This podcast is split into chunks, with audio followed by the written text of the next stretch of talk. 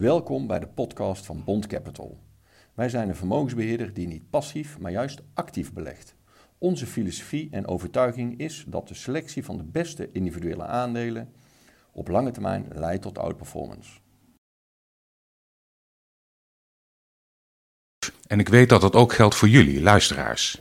Dat neemt niet weg dat ik blij ben dat in deze jubileumuitzending Koen Bender van Mercurius Vermogensbeheer en Stan Westerterp van Bond Capital Partners mijn gasten zijn. Hartelijk welkom. Als altijd trappen we af met het sentiment op de beurs. En uh, als ik kijk naar het Damrak, vergeleken met een week geleden, staat hij ja, ongeveer op hetzelfde niveau. Zeg maar stabiel, is al een tijdje zo. Stan, verwacht jij desalniettemin nog een leuke december-rally? Ik weet dat je je gla... Meteen met de deur in huis. Ja, meteen, ja, ik weet dat je je glazen bol mee hebt genomen, dus... Uh, uh, nou, laten we het zo zeggen. Als dit het was qua paniek en we gaan we komen wat verder eind deze maand, dan zie je vaak dat de volumes wat afnemen en dat uh, de particulieren nog wel uh, einde jaar nog wel cadeautjes voor zichzelf willen kopen. Dus dan zie je het vaak wel, als het rustig blijft, hè, dat we wat omhoog tenderen. Ja. Dus ja. Ja, oké. Okay. Koen, mee eens? Ja, dat, dat is wel het, uh, het normale beeld. Alhoewel dit natuurlijk geen normaal jaar, normale periode is. Dus je kan uh, toch nog wel een duveltje uit het hoge hoedje hebben. En dat tegelijkertijd op een periode waarin die markt minder liquide is. Hè. Dat, dat zag je natuurlijk al heel goed vorige week met Thanksgiving. Veel Amerikanen die er niet aan het scherm zijn. En dan, dan kan die beurs opeens een hele grote uitslag maken. En zo werd dus Black Friday, Red Friday. Maar ehm, ja, dat, kan, dat zou kunnen gebeuren in de tweede helft van december. Uh, verwacht ik het? Nee, niet direct. Nieuws van vandaag is, daar is ook lang naar uitgekeken, het banenrapport in Amerika. Er zijn 210.000 banen bijgekomen. Verwachting was tegen de 600.000. Ja. Tegenvallers dan? Jazeker, flinke tegenvallen. Van de andere kant zie je meteen weer slecht nieuws, goed nieuws. Want de beurs reageert er redelijk positief op. Natuurlijk meteen weer de, de vertaalslag wordt gemaakt naar... oké, wat betekent dit voor wat betreft de, wat de centrale banken gaan doen? Of voor de inflatie... Uh, de werkloosheidspercentage daalde wel wat. Uh, maar goed, je moet daar wel even goed doorheen kijken. Ook met participatiegraad en dat soort uh, zaken wordt het wat technisch. Maar kijk, over het algemeen gaat het gewoon goed met de Amerikaanse economie. En je ziet nu wel een maand dat het even wat tegenvalt. Aan de andere kant, je ziet ook wel dat die cijfers later nog aangepast kunnen worden. Maar de trend is natuurlijk wel, wel, wel redelijk opwaarts voor, voor wat betreft verder herstel. En ik denk nog niet echt dat in deze cijfers bijvoorbeeld die nieuwe Omicron-variant verwerkt zullen zijn. Uh, dat lijkt me wat vroeg. Dus het is een beetje moeilijk om, uh, om nu te zeggen dat er meteen uh, sprake is van een trendbreuk. Daarvoor zullen we toch echt even iets langer moeten wachten, denk ik. Stan trekt er niet al te grote conclusies uit deze incidentele dip. Jij ook niet? Nou, ik, ik, denk inderdaad dat die incidenteel is. Uh, we zien dat een, een aantal sectoren, uh, met name internetverkopen gerelateerd, daar kwamen nog wel wat banen bij. Maar de banen die, die gaan verloren, onder andere in, uh, in retail, daar, daar bleef het echt wel achter. En dat is op zich natuurlijk best wel apart in deze periode, die zo heel erg belangrijk is voor retail. Is het een tijdelijke, tijdelijke hiccup? Uh, ja, ik denk niet dat, dat nieuwe varianten van uh, corona hier direct invloed hebben gehad. Maar dat gaat natuurlijk nog wel komen. Dus ik zou ook denken dat de verwachtingen voor december op banengebied niet al te hoog gespannen moeten gaan zijn.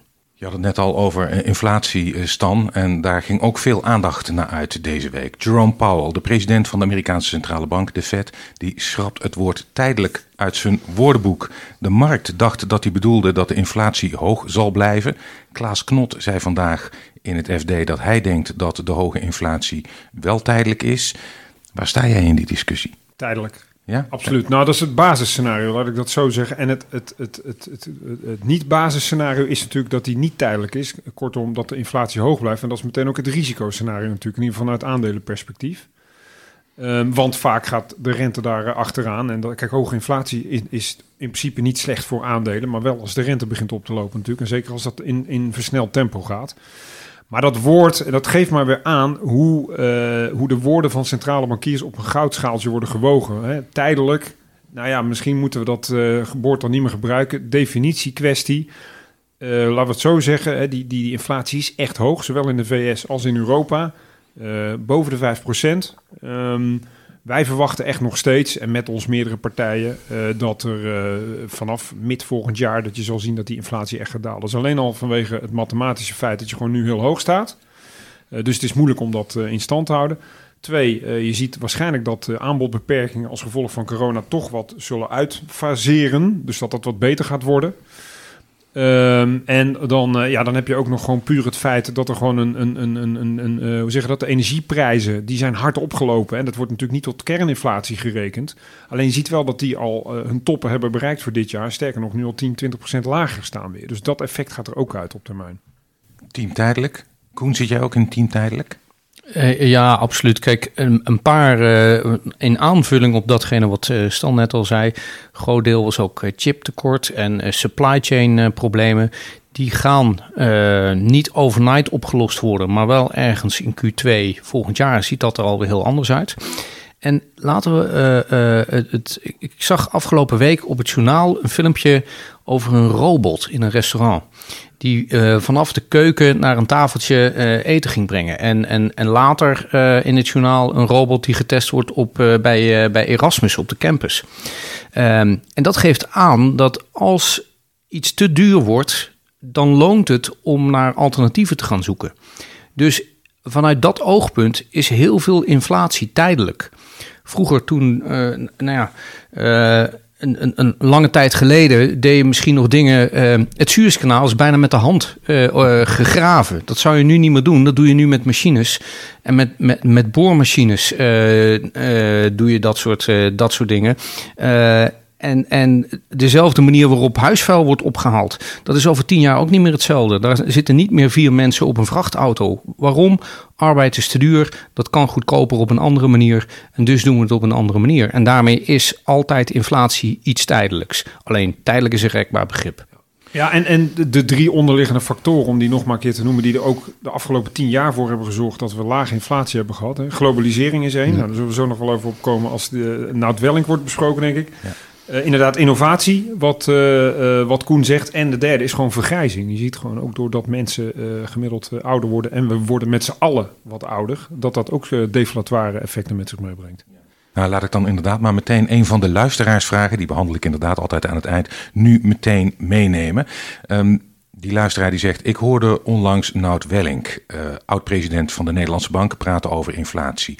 Hij denkt dat de inflatie voor langere termijn een probleem wordt deglobalisering, transitie naar een groene economie, meer vraag vanuit Azië, China, door de opkomende middenklasse en vergrijzing van de bevolking. Hoe zien jouw gasten dat? Nou ja, ik dat deglobalisering, ik geloof daar totaal niet in. En het verbaast me ook weer dat de ene oud-president van de Nederlandse Bank zegt... de inflatie blijft hoog, die is nu onafhankelijk, die hoeft niet met mil in de mond te praten. En Klaas Knot zegt zelf, nee, uh, tijdelijk. Dus het, hm. is, het, is, toch vreemd. Ze zijn allebei, uh, hebben ze in ieder geval leiding gegeven aan uh, de instantie in Nederland die daar, uh, die daar uh, wat zou van moeten vinden. Ja.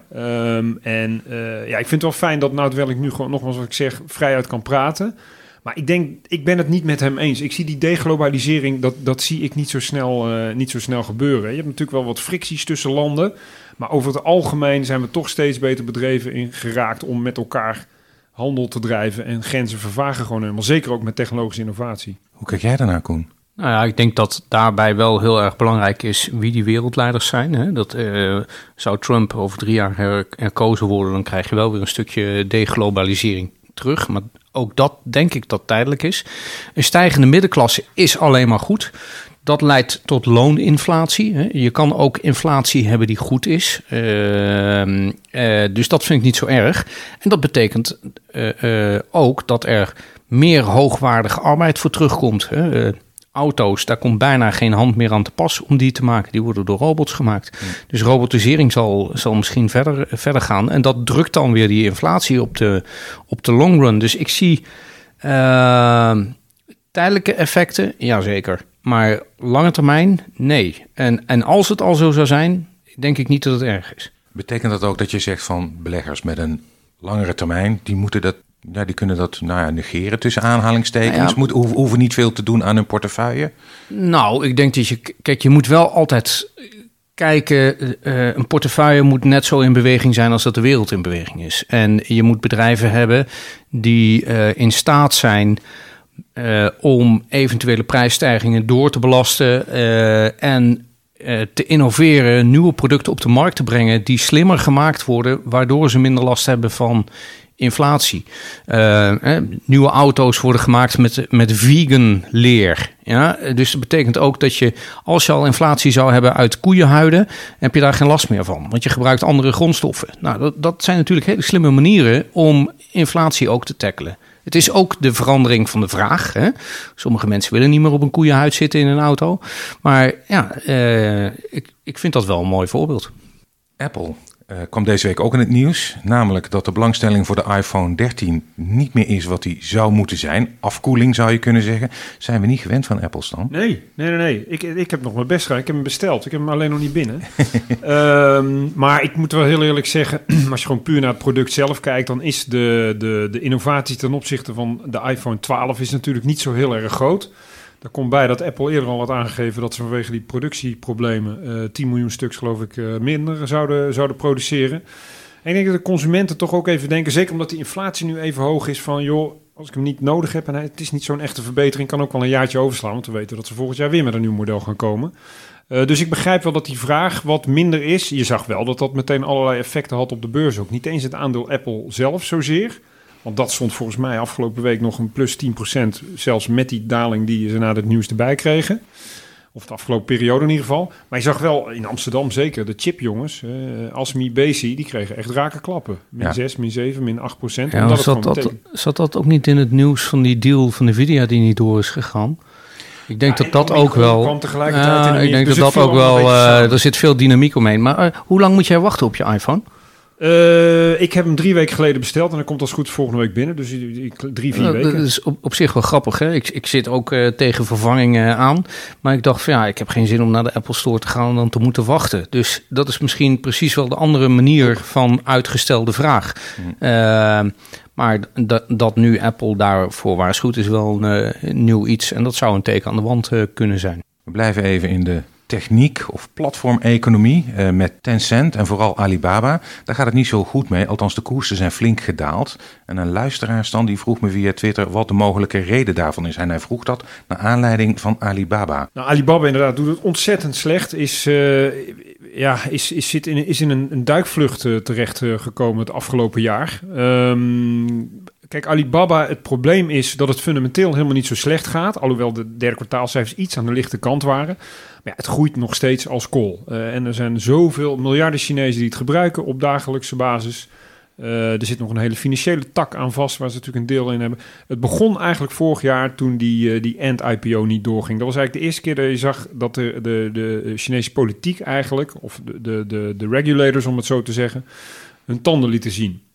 En dat hebben ze eigenlijk het afgelopen jaar keer op keer laten zien. Daarna kwam er een boete. Uh, daarna, uh, nu uh, vrij recent volgens het nieuws dat er een delisting moet gaan plaatsvinden van Didi in, in Amerika. Die gaan waarschijnlijk naar Hongkong toe. Kortom, ehm, de autoriteiten zitten hier bovenop. Waardoor je het gevoel krijgt als belegger van blijft er nog iets voor mij over? En dat is natuurlijk altijd discussie, ook met name met Chinese aandelen. Is kijk, wij, wij in het Westen Um, wij zitten ook op onze techbedrijven. Uh, en wij kijken ook naar regulering en wij kijken ook potentieel naar opbreken. Maar dat, dat duurt en dat gaat gewoon via het democratische proces. In China, als iets vandaag besluiten, is morgen uitgevoerd. En dat is voor beleggers is dat ja, eigenlijk doodeng. Want als uh, de Chinese overheid, ik noem maar iets, morgen zou uh, bepalen in het kader van Common Prosperity, Alibaba, jullie moeten je hele winst aan ons geven. Dan is niemand die daar iets over te zeggen heeft. Dan gebeurt dat gewoon. En als je dan naar waardering gaat kijken, ja, dat is echt bizar. Ik bedoel dat Alibaba uh, voor, uh, als je corrigeert voor de cashpositie, onder de 10 keer de winst staat. Ja, dat is echt bizar. Want uh, als dit een Amerikaans bedrijf was geweest, in Amerika genoteerd, dan had het echt makkelijk 4, 5 keer meer waard geweest met de groeicijfers en de, de, de, de achtergrond die zij hebben. Echt bizar. Alleen, je hebt nou eenmaal met die Chinese regulator te maken en hoe dit gaat aflopen. Joost mag het weten. Ze bederven het feestje, Koen, de Chinese overheid. Nou ja, eh, kijk, uh, ik maak er geen geheim van. We hebben redelijk wat positie ook, ook in China. ik heb hier ook nog wel eens Pinduoduo genoemd. Dat zit precies in hetzelfde schuitje. Dus ik denk niet dat het zozeer echt een geïsoleerd Alibaba-verhaal is. Hmm. Ik denk dat het een, een veel breder verhaal is. Een regulator is daar heel duidelijk in. Ehm, die handelt veel sneller, zoals Stan al zegt. Dat is vervelend ik denk wel dat, kijk, de markt timen is heel erg lastig. Dus wanneer is dit ten einde? Wanneer is het moment dat je er wel weer in moet?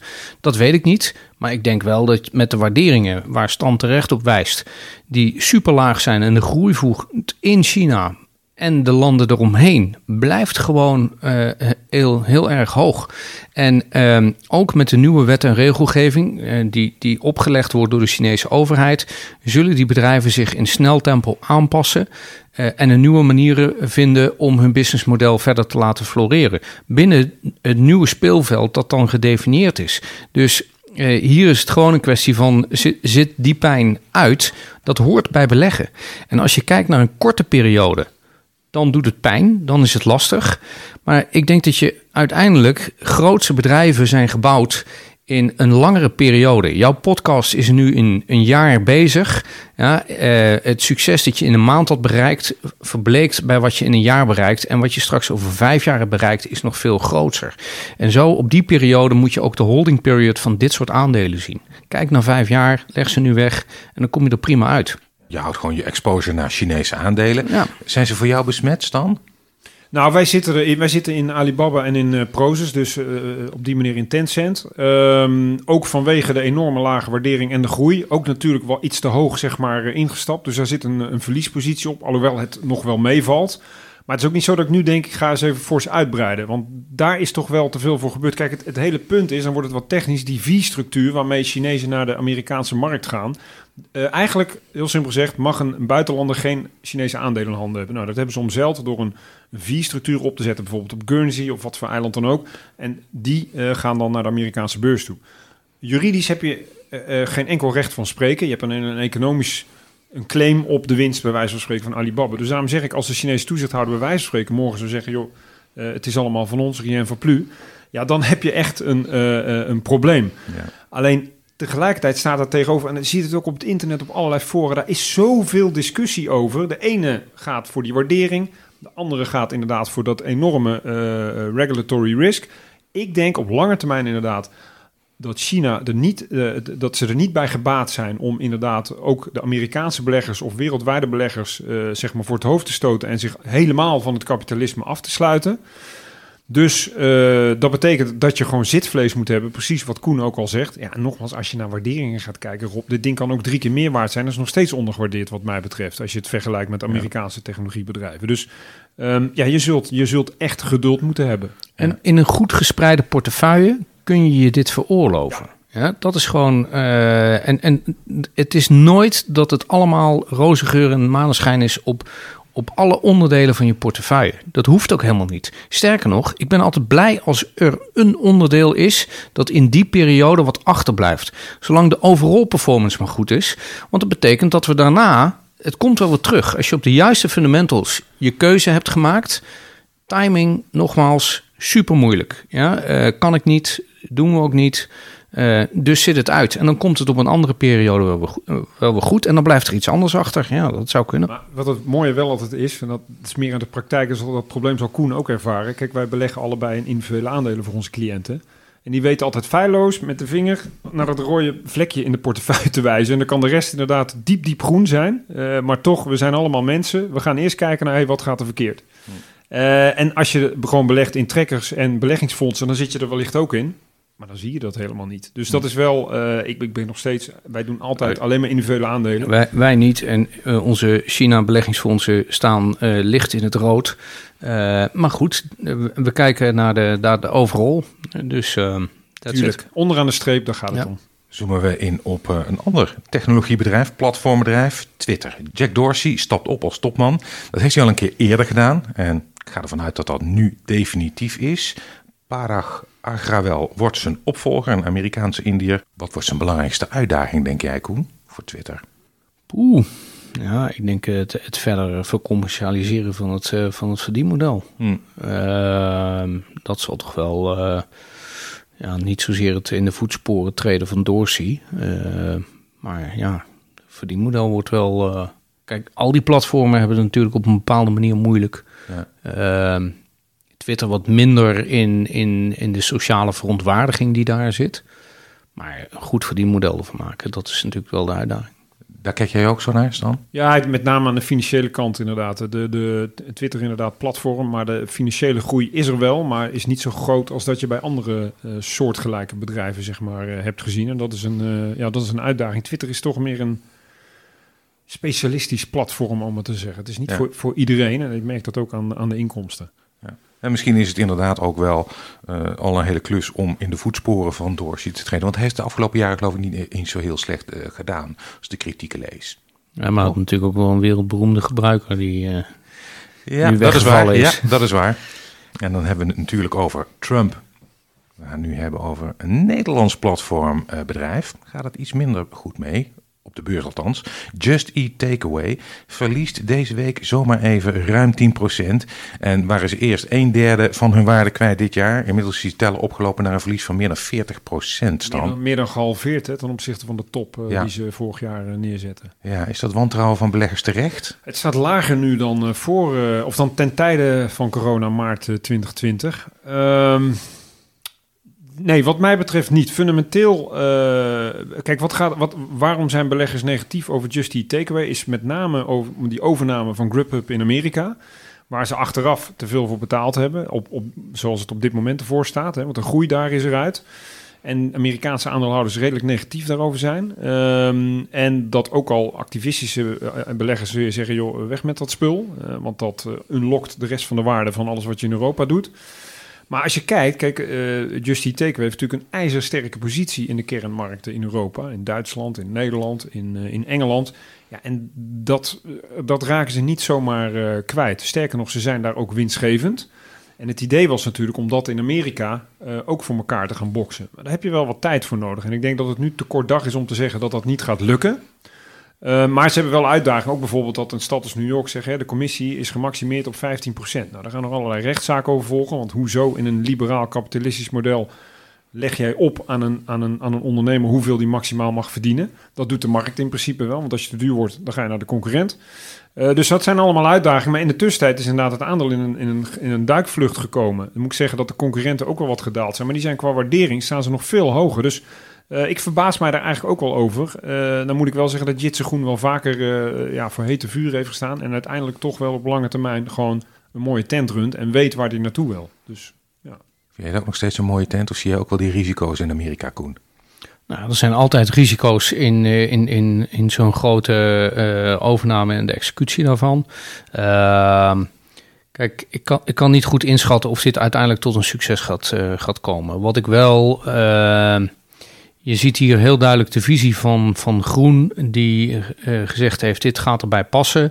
En uh, dat moet ook tijd hebben. Ook daar weer, je kan niet verwachten dat dat binnen een half jaar, binnen een jaar, uh, de bijdrage gaat zijn die die misschien zo'n activistische aandeelhouder uh, zou willen. En uh, Groen als geen ander weet dat hij daar de tijd voor moet nemen. En uh, ja, dan, dan, dan kan het inderdaad zijn dat zo'n aandeel 30, 40 procent daalt. Dat hebben we bij een, een ander specialistisch bedrijf, Amazon, ook gezien. Dat soort hiccups horen erbij in zo'n lange tocht naar.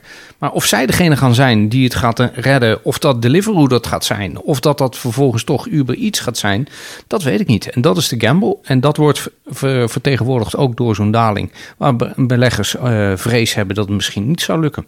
Ik kan me nog herinneren dat uh, toen Grubhub werd overgenomen, uh, Jitse Groen zei, ja, wij zijn de grootste maaltijdbezorger buiten China. En toen dacht ik van, nou, dan is de roll-out, dan gaat het als een stoomwals door. Maar dan zie je dus toch dat er wel, dat dat nog wel even wat lastig ja, is. Ja, ik heb alleen, kijk, uh, je hebt uh, gelijk dat er ook veel naar concurrenten wordt gekeken, zoals een DoorDash inderdaad, Uber Eats, uh, Deliveroo. Maar dat zijn allemaal jongens die eigenlijk verdienen aan het bezorgen.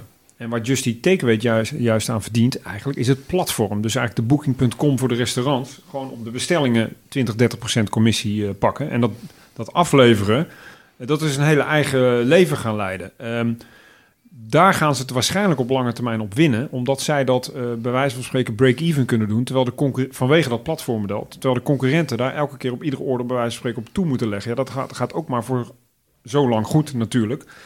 Zolang dat je, je cashpositie toereikend is. Dus vandaar ook precies weer wat Koen zegt. Die tijd die heb je gewoon nodig om te zien wie de winnaars gaan worden in deze markt. En wat dat betreft denk ik dat met het platformmodel dat Just Eat Takeaway heeft... en heeft laten zien in Nederland en in Engeland en in Duitsland... waar ze wel winstgevend kunnen draaien op hun activiteiten... dat als ze dat voor elkaar krijgen in Amerika dat dat een enorme klapper gaat zijn. Als het niet zo is, ja, dan moet er waarschijnlijk toch ook een strik omheen en weg ermee. En, en laten we niet vergeten, de periode waarin dit gebeurde, een jaar geleden, toen was alles met delivery red hot. En uh, Uber Eats had het eigenlijk willen hebben, die heeft toen Postmates gekocht.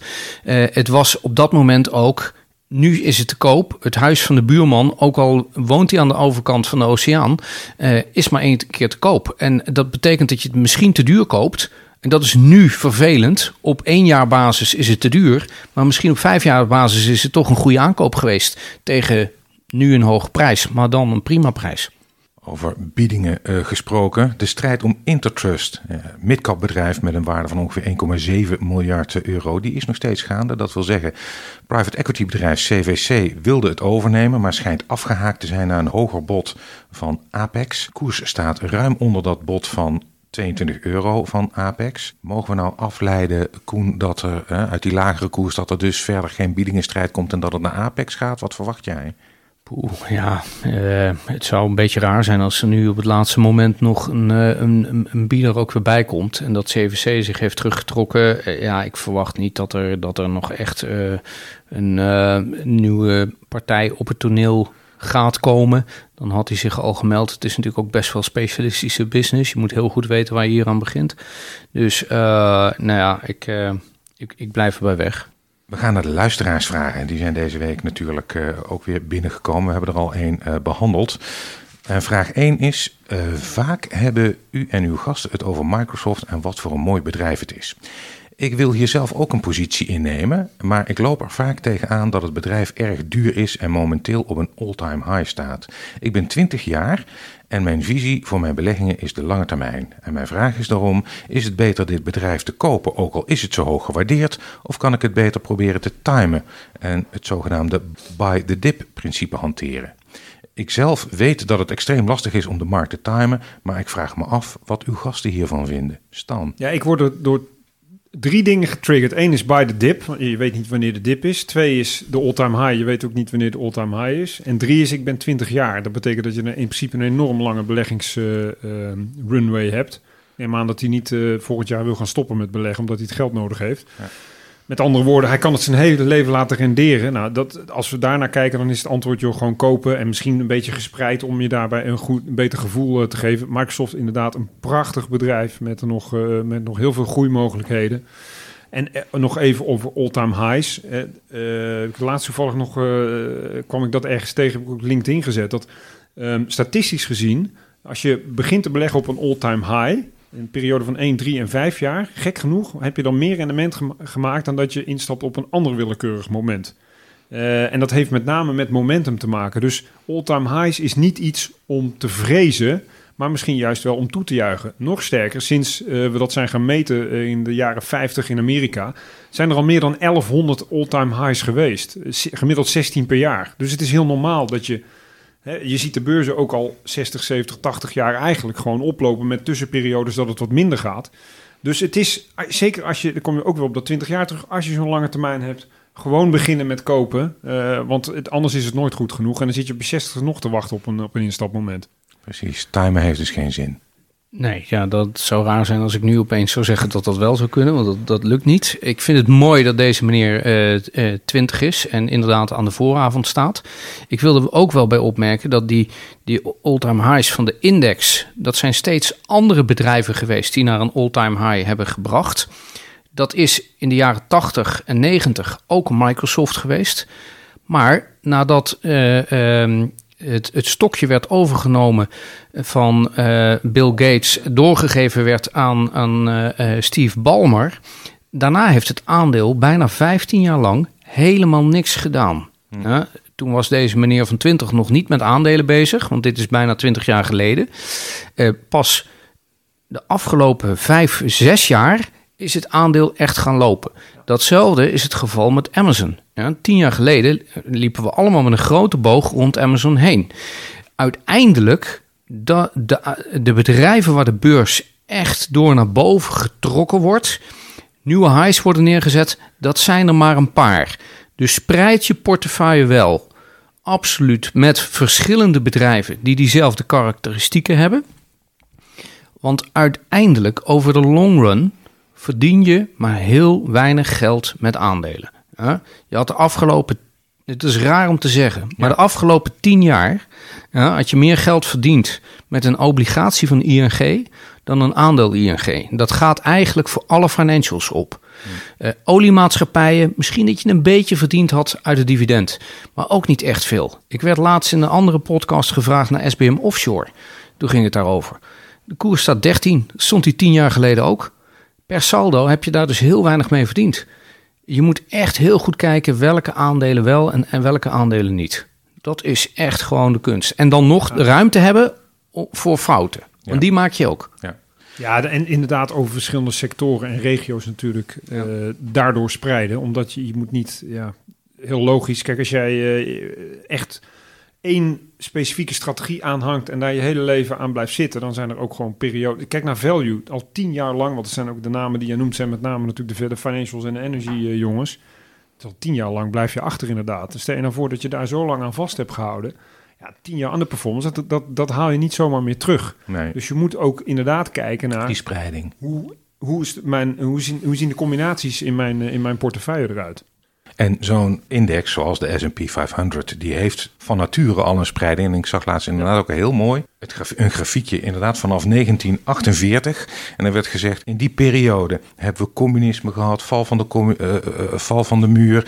Uh, we hebben gehad inflatie, deflatie, een centrale bankpresident die de rente heeft verhoogd en verlaagd. En wat doet die S&P 500 in feite? Alsof hij het negeert. En, en, en den dat maar door. Financial crisis, ja. ja. 50 procent. Hedge funds die omvielen, ja. fraudes, Enron 20 jaar geleden, deze dingen. Corona, alles. Maar het zijn alle allemaal verschillende bedrijven geweest die naar die nieuwe all-time highs gebracht hebben. Dus dat, dat is wel heel belangrijk om, uh, om, om te. en een index heeft een zelfreinigend effect. Want het wordt natuurlijk doorgeselecteerd tussen de beste bedrijven. Dus dat is wel fijn aan een index. Alhoewel er ook, kijk, S&P 500, 500 bedrijven is wel erg veel. Er zit ook echt wel wat rotzooi tussen. Mm -hmm. Maar dat is ook een reden waarom een AEX het bijvoorbeeld al, uh, al jarenlang gewoon uitmuntend blijft doen natuurlijk. Ja. Als je kijkt oh, tot oh, daar hebben we heel lang moeten wachten op de nieuwe all-time high. Nee, dat klopt. Uh, maar, ja, maar dat is dan de prijsindex. Hè. Als je even met het dividend meerekent, dan staan we natuurlijk veel hoger. Ja, ik bedoel, ja, ja, het is een technische, technische de total return op de AX. Laten we die pakken.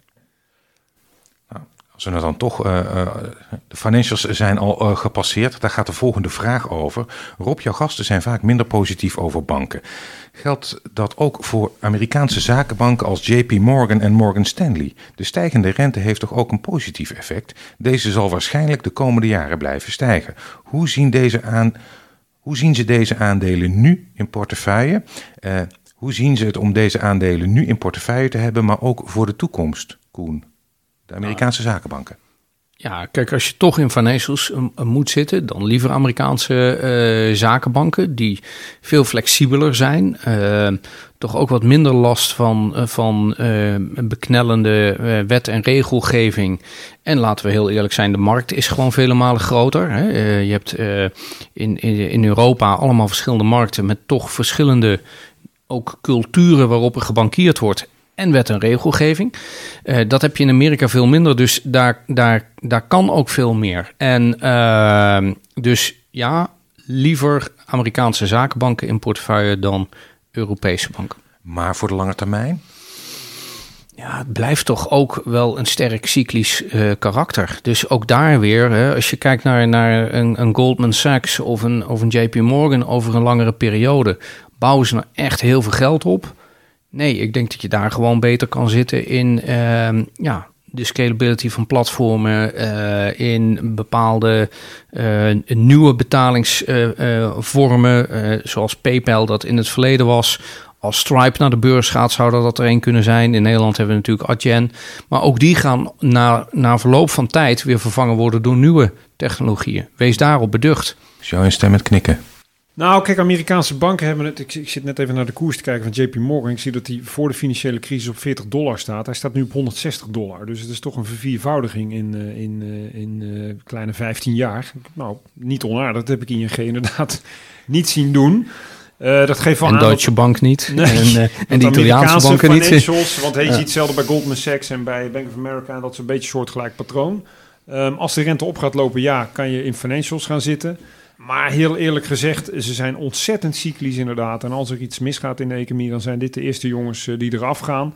Um, dus je moet daar wel een sterk uh, geloof uh, in hebben. lange termijn erin beleggen. Ja, in een goed gespreide portefeuille. Maar ik zou nooit al het geld in, in financials steken. Absoluut niet. Gaan we naar de volgende vraag. Ik twijfel om tegen het einde van het jaar een gokje te wagen met een klein deel van mijn portefeuille door in de spec Dutch Star Company 2 te gaan beleggen. Deze wordt nu voor onder de originele uitgavenprijs van 10 euro verhandeld. Hoe kan dit? Ik heb altijd begrepen dat als de spec mislukt, dus er geen overname wordt gedaan door die vennootschap, dat iedereen dan gegarandeerd de originele uitgifteprijs terugkrijgt. Zouden jouw experts dit op een begrijpelijke wijze toe kunnen lichten? Nou, om te beginnen, kijk, een gokje wagen in een spec. Uh, um, wij proberen lange termijn te beleggen. Daarbij is een spec is een zak met geld. Ik snap wel, de, de DSC2 is natuurlijk... De eerste was een succes omdat daar cm.com uit voort is uh, gekomen. Maar je weet gewoon niet waar ze mee bezig zijn. Dus het nee. is het echt gokken. Het is een onzekerheid troef. En daarnaast, uh, ja, de, de uitgevers zorgen ook altijd erg goed voor zichzelf. Vaak via warrant-structuren. En volgens mij dat, dat teruggaan van het geld, dat klopt wel. Maar daar, zit, daar gaan wel kosten vanaf als ik me niet helemaal, uh, als ik me niet vergis. Hmm. Um, dus uh, nee, ja, ik, ik wil weten wat ik koop. Ja. Ik wil gewoon weten wat ik in, in portefeuille heb. Ja, samenvattend, het is een black box. Nee, black, bo black box. Nee, blij, blijven er ver van. En uh, kijk, gegarandeerd vind ik altijd al uh, heel, uh, heel tricky. En hoe gaat dat met negatieve rente? Het zal toch niet zo zijn dat ze voor die zak met geld geen negatieve rente hoeven te betalen? En dat de, de dan, ding is bijleggen. Ja, en zo vlak voor 5 december is het raar om te zeggen, maar ik denk niet dat die bestaat. um, laatste vraag. Ik bezit het aandeel Daimler. Het aandeel wordt in december gesplitst in Mercedes-Benz, personenauto's en Daimler Trucks. Volgens mij krijg ik als aandeelhouder voor elke twee Daimler-aandelen één Daimler Trucks-aandeel. Toen de splitsing bekend werd gemaakt, schoot het aandeel omhoog en sinds die tijd is het aandeel sowieso erg hard gegaan. Waarom is dit goed voor mij als aandeelhouder? Nou, ik denk dat in dit uh, geval er ook twee losse bedrijven zijn die uh, uh, misschien als losse onderdelen meer worden gewaardeerd dan, dan bij elkaar. Mercedes krijgt daarmee wat meer elan in de personenauto-divisie, waar ze uh, heel goed kunnen focussen op verschillende brands. Mercedes-Benz zelf natuurlijk, uh, AMG, Maybach en uh, het EQ, het elektrische verhaal waarmee ze aan het uitrollen zijn. Um, we hebben eerder gezien dat andere bedrijven hetzelfde deden. Hè. Volkswagen heeft MAN apart naar de beurs gebracht. En dat betekent ook dat je de, misschien de, de, de de drukkende effecten die wat meer plaatsvinden in die, uh, in, in die vrachtauto-business, uh, die veel moeilijker te vergroenen is. Die uh, misschien ook nog wel wat andere tegenwind heeft. Want al, en dat is ook een, een, een ontzettende lage marge business. ja, dat kun je los van elkaar trekken. En de automobielindustrie is op dit moment ook door tekort aan chips korting hoeven ze niet meer te geven. De omzet is hetzelfde bij minder, minder aantallen die ze produceren. Dus ja, als ze dat weten vast te houden, dan is die personenautodivisie misschien toch nog wel wat interessanter dan de truck. Uh, Heb er nog iets aan toe te voegen, Stan? Nee, eigenlijk niet. Vond het een mooi verhaal. Zijn we aan het eind van de podcast en dat betekent dat jullie de lang verwachte tip mogen geven. Stan, wat is jouw tip voor de luisteraar? Ja, ik heb even over na. Ik heb wel vaker natuurlijk met tips. Kijk, tip impliceert dat je nu iets zegt en dat het volgende week verdubbeld is. Uh, dat is per definitie. Nou, misschien moet ik dat dan even de definitie daarover. Ja. Kijk, voor ons is een tip iets. Wij beleggen sowieso voor de lange termijn. Wat Koen net eigenlijk ook al zei. Als we een bedrijf kopen, is het minimaal voor drie jaar, omdat we uh, willen profiteren van, van de groei van de onderneming. Um, en ik vind het altijd leuk om namen te noemen die niet zo bekend zijn uh, hier. Maar dat zijn ook namen die heel volatiel zijn. Ik heb wel eens Roku genoemd. Nou, dat ding is ook gewoon 30% gedaald. Uh, maar fundamenteel gaat het nog steeds hartstikke goed. Waar, ik, uh, nu, waar wij nu echt steeds meer naar kijken, is toch ook platform e-commerce bedrijven die bij wijze van spreken de nieuwe Amazon kunnen gaan worden. En dan niet zozeer meteen in Amerika, maar ook elders in de wereld. En er zijn er wel een aantal van, maar die zijn ook heel volatiel. Maar daar zitten hele goede, mooie bedrijfsmodellen achter en groeien ontzettend hard. Sowieso een concurrent, wat ik denk uh, in Amerika een groot concurrent gaat worden van Amazon, is Shopify. dus niet de marktplaats, maar juist meer de winkelstraat online. Mooi bedrijf, echt uh, prachtig groeivooruitzicht. Maar als je bijvoorbeeld wereldwijd kijkt, bijvoorbeeld een C Limited of een Mercado Libre dat zijn echt waanzinnig mooie bedrijven met enorm veel groeipotentieel. Alleen moet je wel gewoon vijf tot tien jaar in je portefeuille minimaal laten zitten. En dat zijn eigenlijk uh, drie tips voor de prijs van één, zou ik zeggen.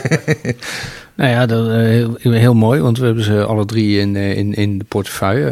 weliswaar klein, hele kleine posities, maar dat is denk ik het allerbelangrijkste. ik sluit me graag aan bij, bij Stan. Ik heb ook wel eens luisteraarsvragen van jou terug gehad over aandelen die genoemd waren, maar die op dat moment misschien een mindere periode ingingen. Pinduoduo is net al even eh, ter sprake gekomen.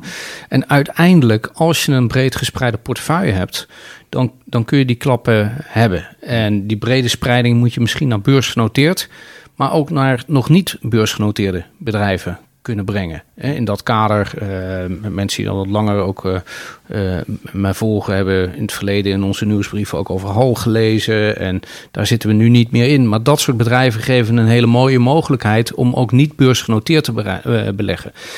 Daar die bedrijven zijn heel erg hard opgelopen. Denk aan Investor B en eh, in, in, in Zweden, een, een partnersgroep in, eh, in Zwitserland.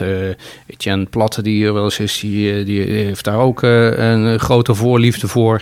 Ehm, maar ik denk dat dat soort bedrijven uiteindelijk spreiding in zichzelf hebben. Uh, ook naar een niet beursgenoteerde. Ook naar niet beursgenoteerde bedrijven. En, en je, je hebt dan toch ook de expertise om met de, de beste, nou ja, de beste fundmanagers in dat private equity stuk mee te beleggen. Want de beste feestjes in het leven zijn alleen op uitnodiging. Ja. En uh, ja, uh, en, en, en, en zij hebben die tickets. Hè? Ja, Sofina en België. Nou ja, dat vind ik lastig. Weet je, ik heb geleerd dat voor succesvol beleggen heb je de vier D's nodig. Je moet het lang doen, hè? de D van duur, langdurig. Je moet spreiden, dus de D van diversiteit. Je moet de D van diepgang hebben. Je moet weten waar je in belegt. En het allerbelangrijkste is, je moet die discipline hebben. Ja. Je moet ook uh, zorgen dat datgene wat hard opgelopen is in je portefeuille weer afromen. We doen dat vier keer per jaar. En dat doen we in de middelste maand van het kwartaal. En dat zorgde ervoor dat we net in, uh, in, in november uh, weer wat positie hadden afgeroomd. En gek genoeg obligaties hebben bijgekocht. Als ik dat tegen sommige mensen zeg, dan zeggen ze: je bent helemaal. Hoe koop je nou obligaties op dit niveau? Ja, die rente is heel laag, maar obligaties moeten bescherming bieden. Die hoeven geen winst. Ja, geen winst te, te, brengen. Dat doen die aandelen wel. Ja. En ja, niet lang daarna krijgen we weer een nieuwe variant. En uh, de rente die mogelijk gaat stijgen, waardoor aandelen uh, onderuit gaan. Het biedt toch een beetje bescherming om die discipline erin te houden, te spreiden. Dat is het allerbelangrijkste. Hartelijk dank. Koen Bender van Mercurius Vermogensbeheer. En natuurlijk ook Stan Westerterp van Bond Capital Partners. Dit was de achttiende aflevering van het tweede. Bedankt voor het luisteren naar onze podcast. Wilt u meer weten over Bond Capital? Kijk dan op onze website www.bondcapital.nl. Indien u wilt worden gebeld, mail dan naar podcast.bondcapital.nl.